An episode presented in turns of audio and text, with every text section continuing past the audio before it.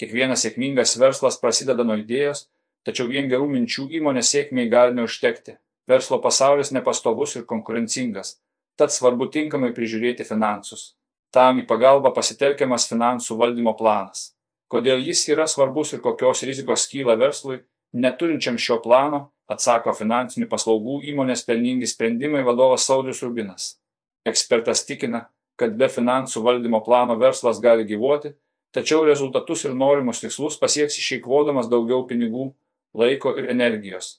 Finansų planas yra vienas iš įrankių efektyviau siekti tikslų ir valdyti pinigus bei patį verslą. Kai verslas turi finansų planą, yra aišku, ką konkrečiai kiekvieną mėnesį reikia atlikti, siekiant jį įgyvendinti, daug lengviau priimti sprendimus. Netgi pasakyti net tam tikriems papildomiems projektams tampa lengviau. Tad, sakyčiau, kad finansinis planas yra žemėlapis link sėkmingo verslo augimo ar tikslų siekimo, sako pelningi sprendimai vadovas, be plano, kaip be žemėlapio. Pasak Karubino, be šio plano verslas gali klaidžioti nežinioje, taikydamas intuityvius sprendimus, kurie gali būti brangus ir netinkami. Intuityvus finansų valdymas be finansų plano yra dažna smulkaus verslo savininkų praktika. Jiems pritrūksta žinių ir įgūdžių arba savininkai turi gan stiprius įsitikinimus, kad toks planas apskritai nėra reikalingas. Čia taisyklė paprasta.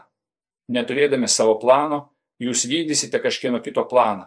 Jūsų verslų didesnį poveikį turės išorinės įtakos - partnerių, klientų ar kitų suinteresuotų pusių sprendimai bei veiksmai.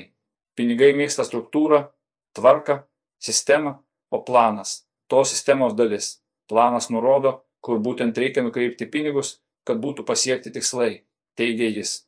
A. Rubinas pastebi, kad verslas be finansų valdymo plano dažniausiai užtrunka daug ilgiau pasiekti norimus tikslus. Net ir mažam verslui jis yra itin svarbus, o norintiems mažą verslą išauginti į didesnį.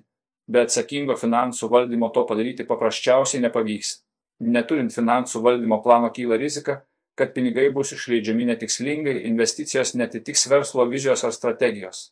Finansų valdymo planas skatina galvoti apie tikslus ir pajamas reikalingas tiems tikslams pasiekti neturint plano, dažniausiai pardavimai bei pajamos yra mažesnės nei galėtų būti. Planavimas prasideda nuo tikslų. Įsivaizduokite, esate jūroje ir kasdien irkluojate, kaip dienos pabaigoje suprasite, kiek nurklavote, neturint nei tikslo, nei plano ir nesekant jų bus praktiškai neįmanoma pamatuoti, kaip jums sekasi. Taip pat yra ir su finansais. Planavimas prasideda nuo tikslų, pasakoja A. Robinas. Įmonių finansų ekspertas teigia, kad tikslai gali būti trumpalaikiai, vidutinio ilgumo ir ilgalaikiai, pavyzdžiui, mėnesio, ketvirčio, metų, trejų metų. Svarbu, kad tikslai būtų aiškus ir specifiški, ribojami laiko bei pamatuojami. Planuojant finansus galima pasitelkti pajamų pardavimo, pelno, pelno procentais maržingumo tikslus. Pasak pelningi sprendimai vadovo, finansų valdymo planas gali būti ir labai nesudėtingas, o jo gyvis priklauso nuo organizacijos dydžio galima planuoti remiantis praeities duomenimis, turima informacija rinkų apžvalga, interpretacijomis, galima norais bei tikslais, kiek norima paaukti ar uždirbti. Siekiant pelningo verslo, tikslinga pradėti planuoti nuo apačios į viršų, tai yra nuo pelno. Suplanuojame, kiek norime uždirbti pelno planą siaurais ar procentais, iš pelno atimame pardavimus pajamas, reikalingas norint pasiekti šį pelningumą, o kas lieka atėmus, yra galimos išlaidos patarė Arubinas. Taip pat svarbu pasirinkti keletą scenarijų, pavyzdžiui, realų, optimistinį bei didelį ir gauruotą planą. Pasak eksperto, pastarasis turi bene didžiausią galę, net jei ir atrodo neįgyvendinamas. Kurdami šį planą savęs stumėte mąstyti nestandartiškai ir pasvajoti. Praktika rodo, kad šis planas tampa mielesnis nei realus ar optimistinis.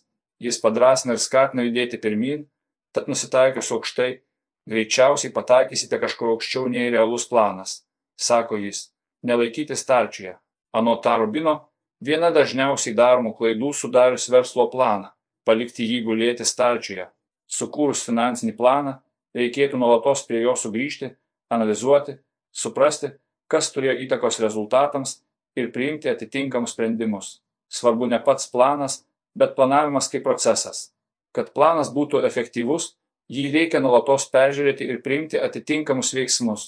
Planas nebus šimtas procentų teisingas, tačiau jau eigoje pamatysite, ką suplanuoti sekėsi praščiau bei ko neįvertinote, teigia Arubinas. Pasak eksperto, kuo įmonė didesnė, tuo svarbesnė yra duomenų kokybė. Smulkiame versle viskas paprasčiau. Pirmas planas tikrai gali būti nelabai vykęs ir tikslus.